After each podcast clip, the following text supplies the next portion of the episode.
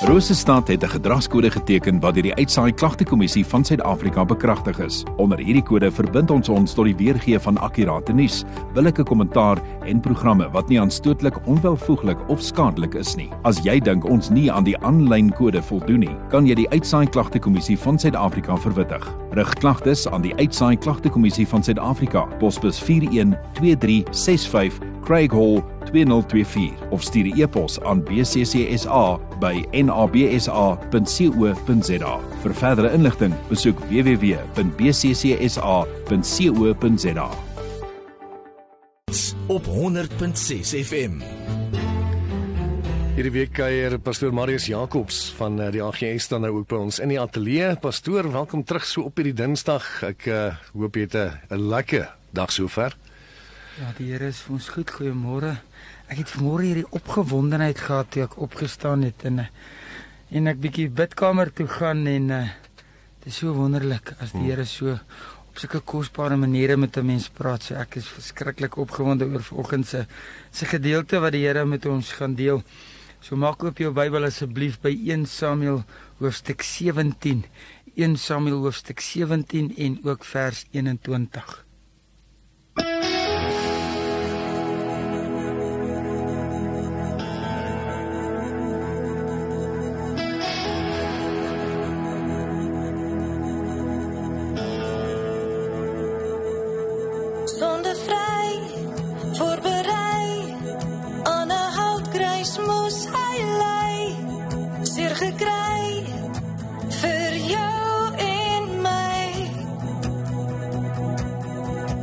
Dood, maar hy leef. Is bo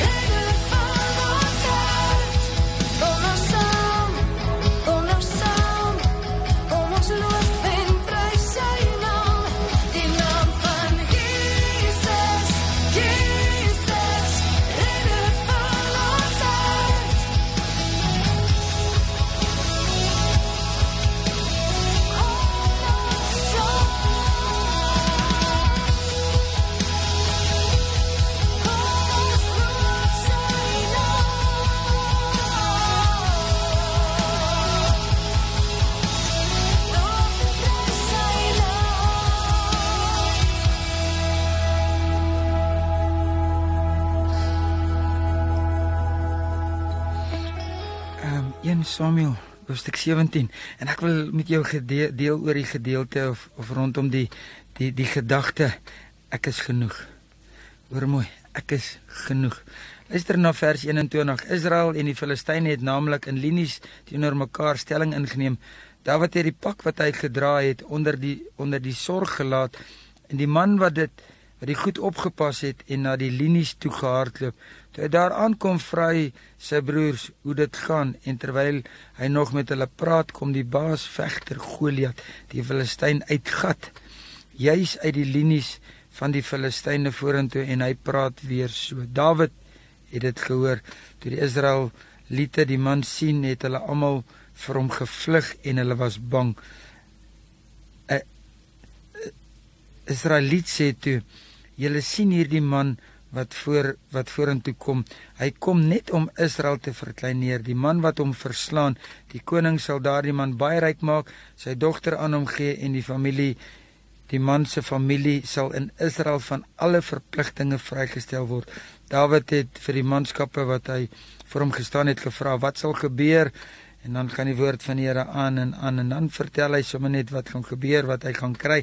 Vers 28 kom en dan sê sy broer Eliab, die oudste, vir die manskappe praat en Eliab het vir Dawid om vir Dawid vererging gesê: "Waarom het jy hierheen gekom en aan wie het jy daardie klompie kleinvee en in die droë veld afgegee?"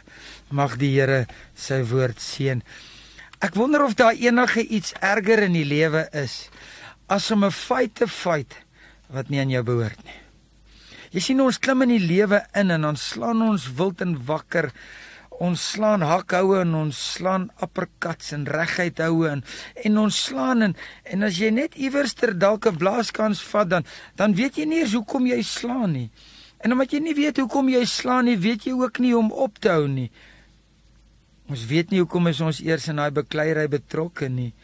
En as jy die feit in 'n fight is, dan weet jy, joh, waarmee is ek tog besig? En dan kom die woord van die Here, dan sê hierdie battle, hierdie stryd is nie jou stryd nie. Hy behoort nie aan jou nie.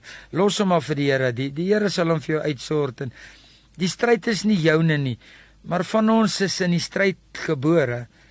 Dit is so seer. Dit affekteer ons so baie. Dit los soveel wonde.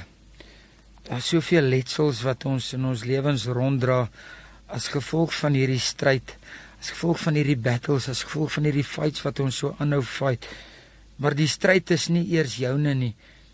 En op die ou end kan ons vandag vir mekaar sê die oorwinning gaan soet wees want ek is meer as 'n oorwinnaar. En die Bybel sê dit was weermag teen weermag. En een vertaling sê Dawid het gegaan met 'n met kos en En hy het gaan kyk hoe gaan dit daar. Hy het gaan kos gee en so kos weggevat en en sommer net gekyk of almal nog oukei okay is. So die volgende oomblik 'n Goliat.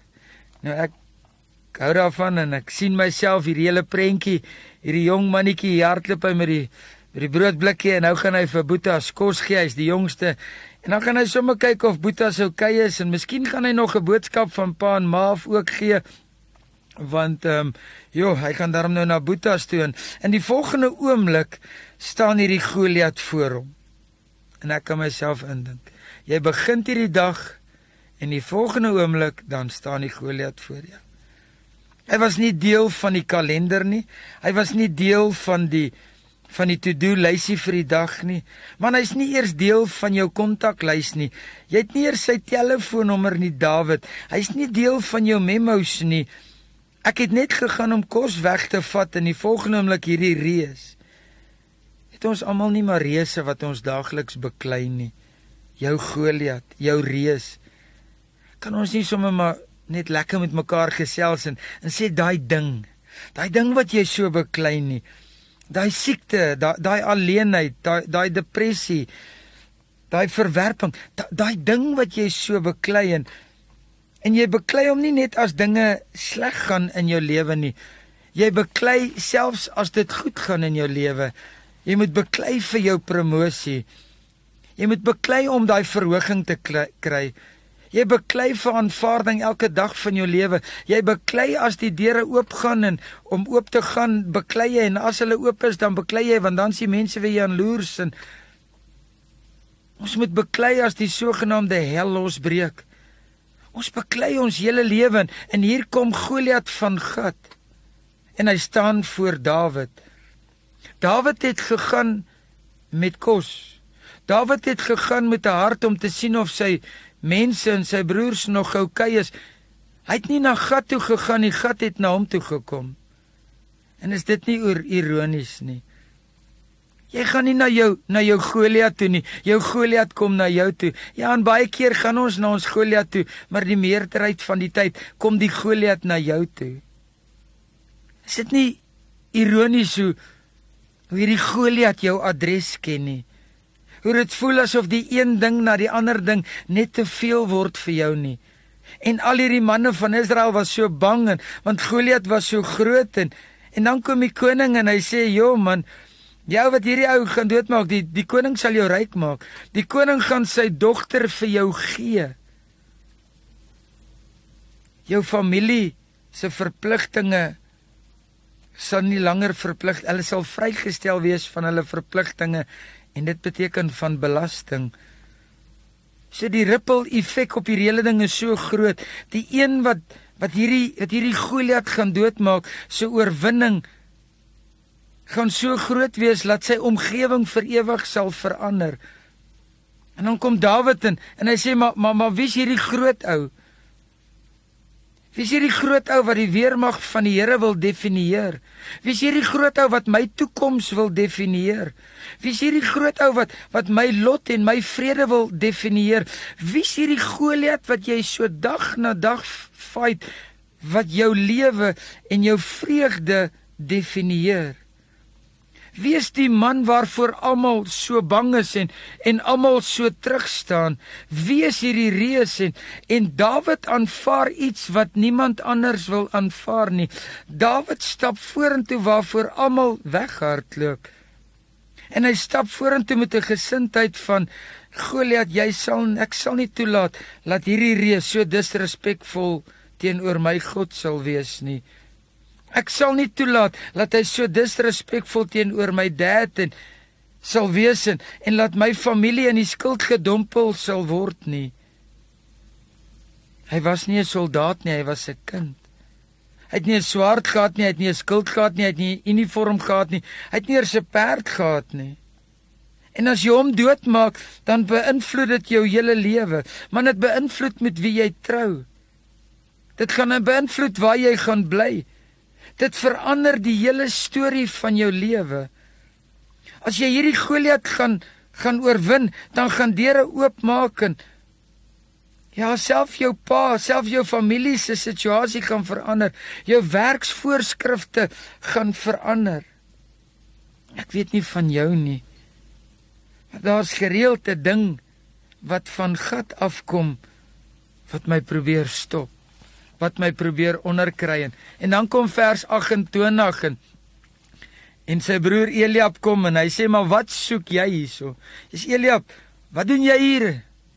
En elke keer as jy jouself regkry om op die platform te klim waar jou groot sukses en jou groot deurbraak is, dan kom daar iemand na jou toe en hulle sê vir jou maar wat soek jy hier? Is dit nie ironies nie? Net as jy besef maar maar, maar hierdie is die deurbraak waarvoor ek gewag het. Dan bevraagteken hulle jou. Maar wat soek jy hier? Dan bevraagteken hulle die plek waar jy is. Dan vra mense vir jou: "Maar hoe gaan jy dit regkry? Hoe gaan jy daardie huis kan bou?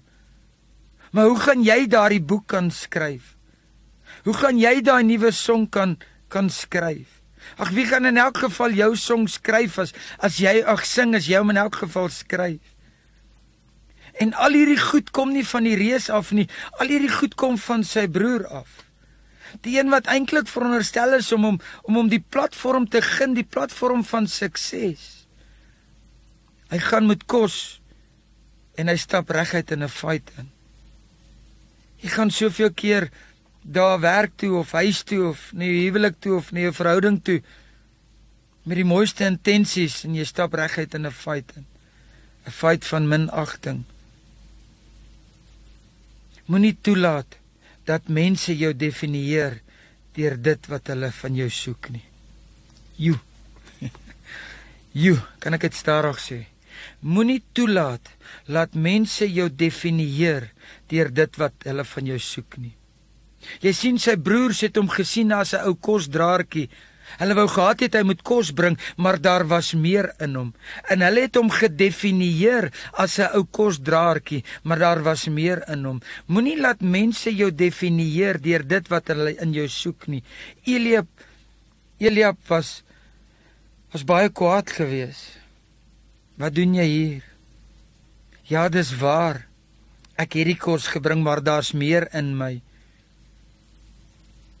Daar's meer in my as wat jy kan sien. Daar's meer in my as sommer net 'n ou kosdraertjie. Moenie probeer om my terug te hou nie. Ek het 'n hoë roeping. Ek het meer in my ou Dawid. Ek is nie net 'n ou landsboks boetjie nie.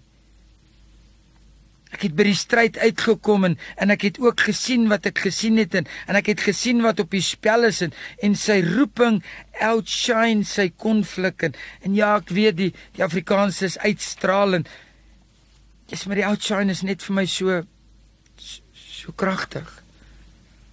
Jou roeping moet altyd jou omstandighede outshine. Anders sal jy teruggaan van waar jy gekom het. Hier staan Dawid voor Goliat en en as hy nie vir Goliat gaan verslaan nie, dan gaan hy terug na die herder wat hy altyd was. Daar verlate ou tentjie iewerster in die woestyn en in rondloop en groen grasie soek vir sy ou skapies. Maar as hy hierdie ene gaan oorkom, oorwin, dan stap hy direk in 'n paleis in. Dan gaan hy nie meer langer die die herder wees nie, maar dan gaan hy die seun van die koning wees want hy gaan met die koning se dogter trou. Daar's soveel op die spel vir my en jou. En dis wat ek vandag sê, daar's genoeg in jou. Dis nie hoe goed jy fight nie, dis waarvoor jy fight. Jesus aan die kruis het sy omstandighede outshine. Ek sê Jesus aan die kruis en en daar staan hy voor die kruis as hy gaan omdraai en terugdraai, sou ek en jy nie vandag hier kon gewees het nie. Maar omdat hy aangegaan het, man alleen het het hom op 'n stadium getref, my God, my God, waarom het U my verlaat? En hy druk deur. Jy kan slegs jou Goliat wen as jy glo jy is genoeg. Ek het genoeg in my. En ek wil hê jy moet vandag vir jouself sê en ek sluit af, ek het genoeg. Sê vandag vir jou, ek het genoeg. Siekte, ek het genoeg. Armoede, ek het genoeg. Familie wat my niks in die lewe gun nie, Eliab, ek het genoeg. Alleenheid, ek het genoeg. Ek het nie 'n weermag nodig nie. Ek het nie 'n koning se se panserklere nodig nie. Ek het genoeg want 1 Johannes 4:4 sê hy wat in my is is groter. Ek het genoeg. Jy het genoeg om vandag jou Goliat te vat en en om vir die Here te gee want want hierdie battle behoort aan hy sal hy sal hom vir jou uitsorteer. Dis nie die klip wat vir Goliat doodgemaak het nie. Dit was wat Dawid in die klip wat Dawid van die klip gedink het. Wil jy nie vandag vir jouself sê ek is genoeg nie? Sukkel, ek is genoeg. Verslawing, ek is ver, genoeg. Werkloosheid, ek is genoeg. Mishandeling, ek is genoeg. Kan ek dit vir jou sê? Jy is genoeg. Kom ons bid saam. Here, dankie dat ons vandag baie vir U kan sê. Maar die grootste van alles is dankie dat u genoeg vir ons is en in ons is en daarom is ons genoeg in Jesus naam.